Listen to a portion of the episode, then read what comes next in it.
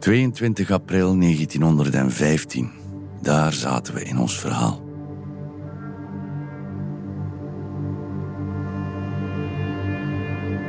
Veel eerder, op 22 april 1724, werd Immanuel Kant geboren, de filosoof.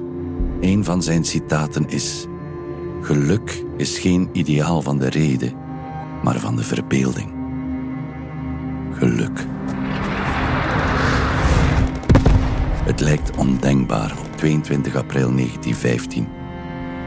Langs een frontlijn van 7 kilometer heeft men ongeveer 5000 van die cilinders ingegraven. En dan was het zaak om te wachten op een gunstige wind. In de krochten van de loopgraven of langs de andere kant van de linie, aan het thuisfront. Die knagende onwetendheid. Hij beschrijft dat het alomvattend is, dat gaswapen.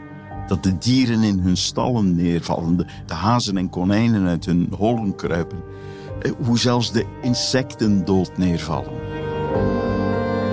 Het litteken van 22 april 1915 blijft voor altijd in het geheugen van Ieper gegrift.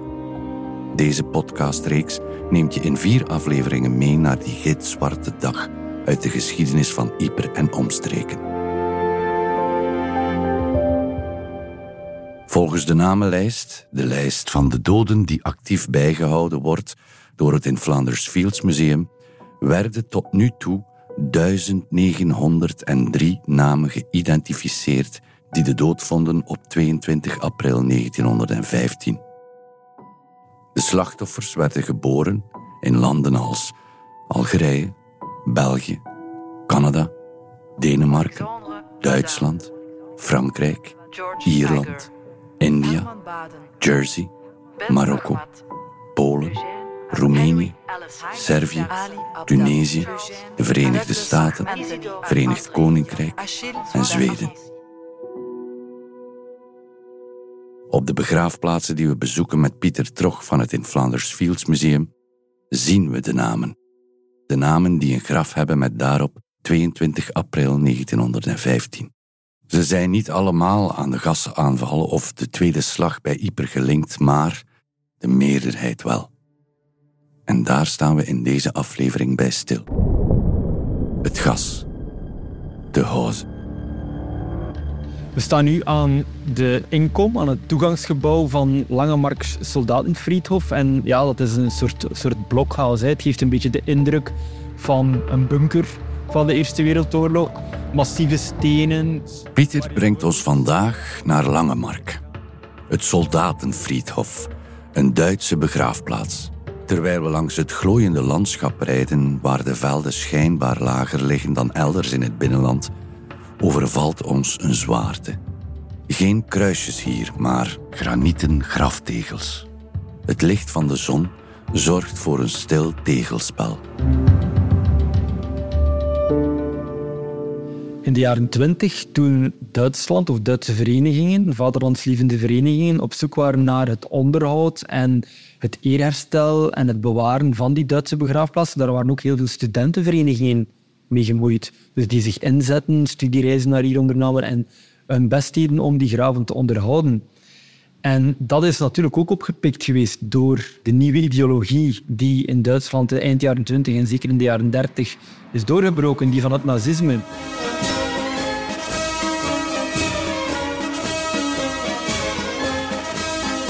Je hebt dan ook heel veel straten in Duitse steden, die ja, die daarnaar vernoemd zijn. Dus die mythe werd nieuw leven ingepompt om de nieuwe vaderlandslievendheid en het patriotisme onder de Duitse bevolking aan te wakkeren voor een nieuwe oorlog, voor een nieuwe ideologie. Langemarkstrasse, Langemarkplatz, ga zo maar door. Allemaal verwijzen ze naar de gemeente Langemark, waar in november 1914 de eerste slag om Yper is gevochten tussen de Duitsers en de geallieerden. Het Duitse leger leed zware verliezen, maar de Duitse propagandamachine maakte er een heroïsche nederlaag van. Volgens het verhaal zouden de vele jonge Duitse soldaten heldhaftig de dood tegemoet gestormd zijn, terwijl ze tijdens de aanval Duitsland über alles zongen. Die mythe werd dus vaak aangehaald tijdens de propaganda van de Tweede Wereldoorlog. Adolf Hitler, die in 1933 aan de macht komt en die, uh, die, dus die later uh, als de lage landen veroverd zijn, als België in, op 28 mei 1940 capituleert. Hij bezoekt één begraafplaats van de Eerste Wereldoorlog in België en dat is Langemark. Adolf Hitler was zelf een veteraan van de Eerste Wereldoorlog die verschillende keren in België gezeten heeft. Dus in 2014 heeft hij uh, bij Wijtschaten gevochten. In oktober 18 heeft hij een gifgascontaminatie opgelopen bij Wervik. Hè. Dus, maar hij beschouwde zichzelf ook als een van die studenten, hè. ook al is hij er niet geweest uh, bij Langemark in oktober 14. Maar hij heeft zich die, die ook toegeëigend. Dat deze plek ideologisch erg geladen is, voel je als bezoeker. Hitler bezocht ook het kerkhof in Langemark op 1 juni 1940. Er bestaan zelfs foto's van, van dit bezoek. Langemark is een bekende naam, omdat door de mythe is ook tijdens de Tweede Wereldoorlog een eenheid opgericht, de SS Sturmbrigade Langemark, waar Vlaamse Duitsgezinden dienst genomen hebben om te gaan vechten voor Nazi-Duitsland aan het Oostfront en zo. Dus nog in augustus 1944 wordt hier een, een, een, plechtigheid georganiseerd, een bezoek georganiseerd, waar alle vooraanstaande Vlaamse SS'ers, uh, Cyril Verschaven, Jeff van de Wielen of SS of Nazi-Duitsland gezinnen hier een bezoek brengen. Dus Langemark is echt een begrip, een ideologisch heel erg getint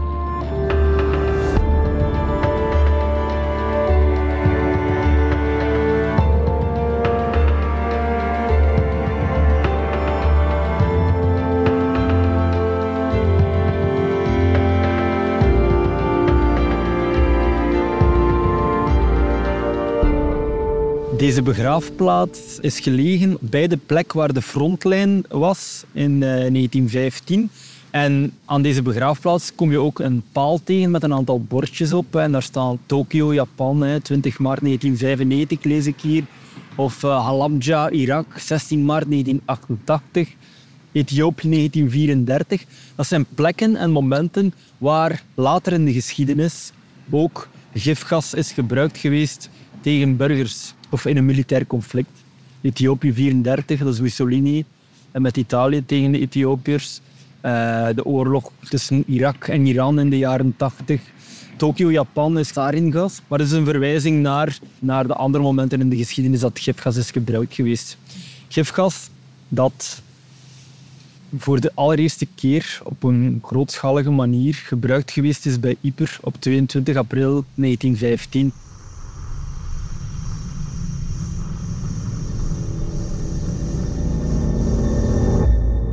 Wat is de context daarvan, van het gebruik van dat gifgas? Wel, eind 1914 is die oorlog, die later de Eerste Wereldoorlog zal genoemd worden, op een complete padstelling uitgedraaid. Dus een snelle doorbraak zoals men uh, verwacht had, zoals de Duitsers gehoopt hadden, was er niet gekomen. Integendeel, de troepen zijn zich beginnen ingraven langs stellingen die liepen van Nieuwpoort aan de Belgische kust tot aan de Frans-Zwitserse grens, 800 kilometer aan loopgraven versterkte stellingen. En bleek dat de verdediger in deze eerste geïndustrialiseerde oorlog veruit in het voordeel was over de aanvallers door prikkeldraad, loopgraven, mitrailleur, de kracht van de artillerie. Daar was geen doorkomen aan. Dus wat ze gehoopt hadden in augustus 1914, van met kerstmis zijn we terug thuis, niets daarvan. Padstelling eind 1914. En de oorlogvoerende partijen wisten niet goed hoe het verder moest. Dus moesten ze zoeken naar nieuwe tactieken, nieuwe manieren om die padstelling te doorbreken, om die stellingenoorlog te doorbreken. En de Britten van hun kant, bijvoorbeeld omdat zij door, door het toeval, eh, of door de manier waarop de gevechten verlopen zijn bij Ypres bijvoorbeeld, op de lager gelegen posities zaten en de Duitsers op de hoger gelegen posities op de heuvelkammen rond. Dus zij hebben geprobeerd of, om een tunneloorlog te ontwikkelen. Dus zij groeven stellingen, tunnels onder de Duitse posities, dynamiteren die dan en proberen op die manier door te breken. De Duitsers van hun kant hebben zich eh, gewend tot gifgas. Omdat in Duitsland toen op dat moment het onderzoek en de samenwerking tussen het militaire apparaat, de industrie en de wetenschap het verst stond op dat vlak. Dus er waren al verschillende experimenten gebeurd, onderzoek gebeurd, verschillende chemical agents, om het zo te noemen, getest. En bleek dat op dat moment, eh, in het voorjaar van 15, chloorgas het meest aangewezen was om in deze stellingenoorlog te gebruiken. Men schoot geen chloorgasgranaten af of zo. Nee, dat chloorgas zat in grote cilinders, ongeveer meter en half hoog, sommige zelfs. Die moesten ingegraven worden achter de stellingen van de frontlijn, in het grootste geheim uiteraard. En die moesten dan opengedraaid worden, waardoor het gifgas ontsnapte. En dat is wat hier gebeurd is, 22 april 1915. In de late namiddag van 22 april 1915 verandert het spel van de oorlog. Rond vijf uur openen de stinkpionieren, een speciale eenheid in het Duitse leger aan het front, over een afstand van 8 kilometer 5000 cilinders met chloorgas. De Duitse chemicus Frits Haber stelde zijn ploeg samen en een daarvan was pionier Willy Siebert. Oud-directeur van het museum Piet Gillens legt ons uit wat de opdracht van Siebert precies was. Op het moment dat Frits Haber het groene licht krijgt van het Duitse militaire bevel, heeft hij dus uh, manschappen nodig om zijn voorbereidingen te treffen. Willy Siebert is een jongen die al in de chemische industrie werkte voor de oorlog. Daarom wordt hij ook geselecteerd om bij die stinkpionieren te worden ingedeeld.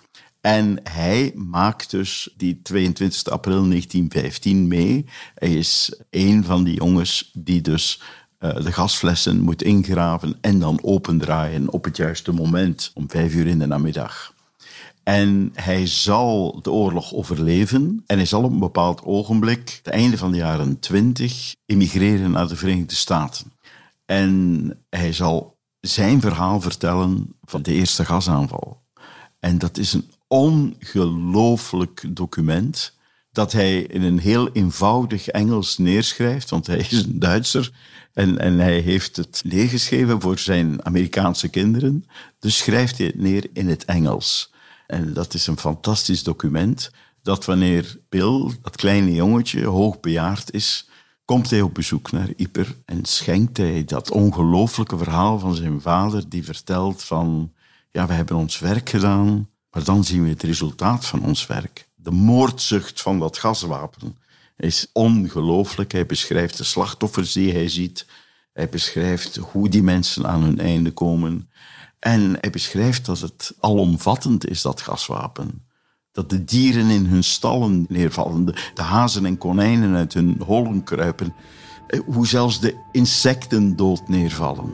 En ja, het is een onwaarschijnlijk sterke getuigenis.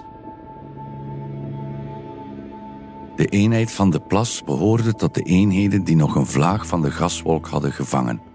Al was de schade relatief beperkt gebleven in vergelijking met die arme stakkers van het 73ste en het 74ste territoriale en van de Noord-Afrikaanse troepen die de eerste lijn bemanden. Commandant Duplas is een kolonel die een van die territoriale regimenten aanvoert van de Bretoons-Normandische divisie. En die op het moment van de gasaanval eigenlijk zit net aan de overzijde van het kanaal Yperijzer, dus in de hoeve Talpen en even ten noorden van Poezingen. En uh, hij staat in verbinding met troepen die in de eerste lijn zijn aan de overkant van het kanaal. En staat onder meer rechtstreeks in telefoonverbinding met een bataljonscommandant van het 73e Regiment d'Infanterie Territoriaal, Georges Lamour. Over luitenant-kolonel De Plas van het 79e Territoriale Infanterieregiment is weinig bekend. Alleen dat hij een oude strijdmakker van Georges Lamour was, toen die nog bij het 79e zat. De eerste gifgasaanval was een donderslag bij heldere hemel en had desastreuze gevolgen. Er valt een serieus gat in de frontlijn. Duitse infanterietroepen die beschermd waren door hun gasmasker rukken op in het kielzog van de geel-groene wolk. Bij de geallieerden is het alle hens aan dek om de frontlijn weer te sluiten en de verdediging op te trekken. Deze morgen ben ik verlost van de koorts en nu zie ik pas de dramatische gebeurtenissen waarvan ik heb deelgenomen weer helder voor me. Van die 22e en 23e april lastleden tussen Steenstraten en Boezingen. Om 5.30 uur in de namiddag was ik aan het werk in mijn commandopost. Die is ondergebracht op de Hofstee Talpe ten noorden van Boezingen. Ik moest nog orders opstellen om de aflossing van de 73ste regiment te regelen. Ineens komt mijn kapitein-adjudant mijn bureau binnengelopen. Kolonel, er is iets heel raars aan de gang waar ik niets van begrijp. de mannen van de plas probeerden zoveel mogelijk weerstand te bieden langs de weg tussen Boezingen en Lizerne. Ze vochten de hele nacht door. De plas gaf richtlijnen en orders om de ene loopgraaf met de andere te verbinden. De plas kwam in het vizier van een waakzame Duitser en even later werd zijn bovenbeen door een kogel doorboord. Hij werd in allerijl geëvacueerd naar de medische posten in het achterland. Pas enkele dagen later noteerde hij de gebeurtenissen in zijn dagboek. Opvallend in zijn relaas. Tijdens die kritieke momenten van 22 april 1915 had hij zijn oude strijdmakker Georges Lamour nog aan de lijn gehad, die zich toen net in het oog van de storm bevond. Commandant de Plas zou dat telefoongesprek nooit meer vergeten. Dat zijn mannen vreselijk te kampen hebben met gifgas. Buiten gevecht zijn gesteld en hij vraagt me wat hij moet doen. Ik antwoord hem zonder veel nadenken het eerste wat me te binnen schiet. Dat hij zoveel mogelijk terrein moet behouden en dat ik versterking zal sturen om wat verloren is gegaan terug te winnen. Maar nog voor ik mijn zin kan afmaken, een verschrikte schreeuw. Het gas dringt in mijn onderkomen binnen. Ik stik. Er volgen nog enkele woorden die ik niet begrijp en een verkrampt hikken. Daarna niets meer.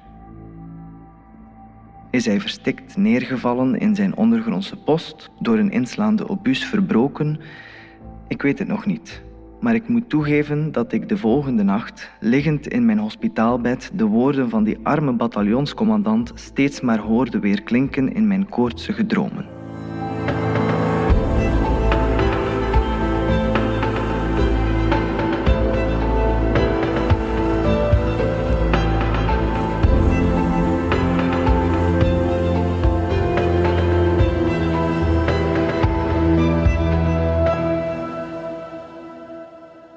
Angèle Plouvier, de echtgenote van Georges Lamour, had haar Georges met gemengde gevoelens naar de oorlog zien vertrekken. Enerzijds was ze vervuld van trots omdat hij de vaderlandse zaak ging verdedigen, en anderzijds werd ze geconfronteerd met de grote leegte die Georges achterliet.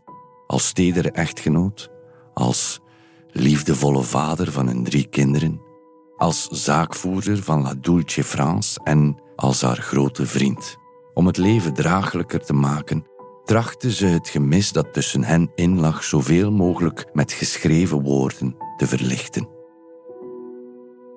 In de levendige correspondentie tussen de geliefde Lamour en Plouvier schreven ze over onderwerpen die houvast boden aan een werkelijkheid die nog buiten de oorlog bestond. Het welzijn en geluk van hun gezin, de alledaagse bekommernissen van het leven in Parijs, Angèle wist niet waar Georges zich bevond. Het adres waar ze naar schreef was geen plaats, maar een regimentsnaam. Eerst het 79ste Territoriale Infanterieregiment, vanaf februari 1915 het 73ste Territoriale Infanterieregiment, waar hij het tot commandant van een bataljon had geschopt. De laatste brief die Angèle van Georges had ontvangen dateerde van 21 april 1915.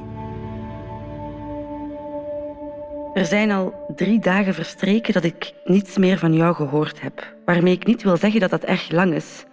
Ik heb immers beloofd om geduld te tonen, maar ik moet voortdurend aan jou denken. Aan jou en aan jullie allen, mijn arme knullen.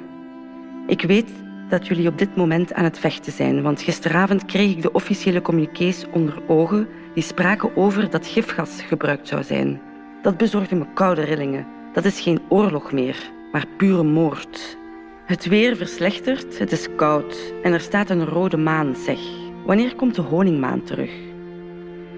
Jean is altijd aardig aan het smikkelen gedurende de dag, maar het is nu al de vierde nacht op rij dat hij tegen middernacht wakker wordt en dat hij ons bezighoudt door wel een uur te huilen. Wanneer hij zich kwaad maakt, lijkt hij wel een tweede Tien. Tien is nu grote broer en hij begint de allures van een kleine man aan te nemen. Je zult het zien, hij is serieus veranderd. Edouard is eergisteren vertrokken naar Nice, om brood en om olie, naar het schijnt. Hij heeft me eigenlijk niet te veel uitleg verschaft waarom hij zich met de olie en andere producten ging bezighouden, maar hij besloot met de woorden dat hij een opslagplaats nodig had die dicht bij het station Saint-Lazare ligt. Dit komt erbij, naast de koffies die hij verkoopt. Dus ik besluit dat hij ook een zaak zoals de onze zal oprichten. En in plaats van mij te helpen aan cliëntel te raken, gaat hij voor zijn eigen zak werken. Enfin, dat alles is maar van bijkomstig belang op dit moment. De essentie is dat de oorlog zo snel mogelijk moet voorbij zijn. En vooral dat jij terugkeert. Papa en mama gaan waarschijnlijk nog twee weken bij hen thuis blijven. En ik moet bekennen, zonder eigenlijk een slechte gedachte te koesteren, dat mijn leven op die manier dan niet beter dan toch een stuk rustiger kan verlopen. En wat me zo charmant lijkt, is dat ik daardoor onze grote canapé kan innemen. Kun je geloven wanneer het avond is en ik alleen in onze kamer ben, hoe levend jouw aanwezigheid wordt en hoe al die zachte uren die wij hier samen doorbrachten me voor de geest schijnen? Het is dan dat ik de goede God smeek om jou te beschermen en dat ik hem beloof in naam van ons beiden alles te aanvaarden wat ons nog zou kunnen overkomen, maar om ons op zijn minst toch nog lange, gelukkige jaren terug te geven waarvoor we hem nu al dankbaar zijn na al deze beproevingen. Papa is langsgekomen om het geld te geven dat hij van de beleggingen is beginnen te innen. De eerste coupon van Liebig heeft 476,90 francs opgeleverd. Belasting en verzekering betaald. Papa zal jou dat allemaal wel nog eens uitleggen in een brief. Enfin, wat het financiële aangaat, moet je je niet te veel zorgen maken. Het gaat, en aangezien papa alles zal opnemen, kan ik onmiddellijk een aantal rekeningen op voorhand betalen. Ik moet je nu laten, mijn lieve kerel. Jouw kleine alles. Angèle.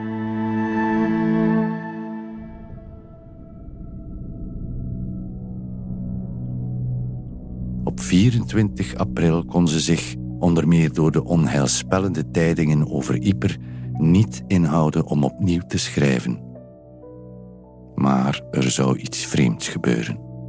De brief keerde terug, want de geadresseerde kon niet bereikt worden. Waar is George?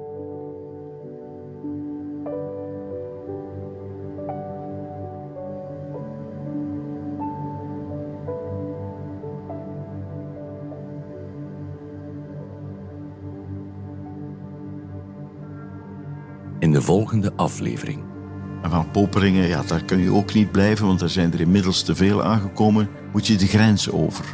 En een keer dat je de grens over bent, ja, dan heb je meestal een ticket te pakken. Alleen sans retour. Dan kun je niet terugkeren. Mijn allerliefste, hoewel de tijd jou allicht even lang toeschijnt als mij, hoef je je over niemand zorgen te maken. Iedereen verkeert in uitstekende gezondheid. Jouw moeder geeft soms een beetje een gebroken indruk, maar ze koestert nog steeds een grote hoop om jou terug te zien.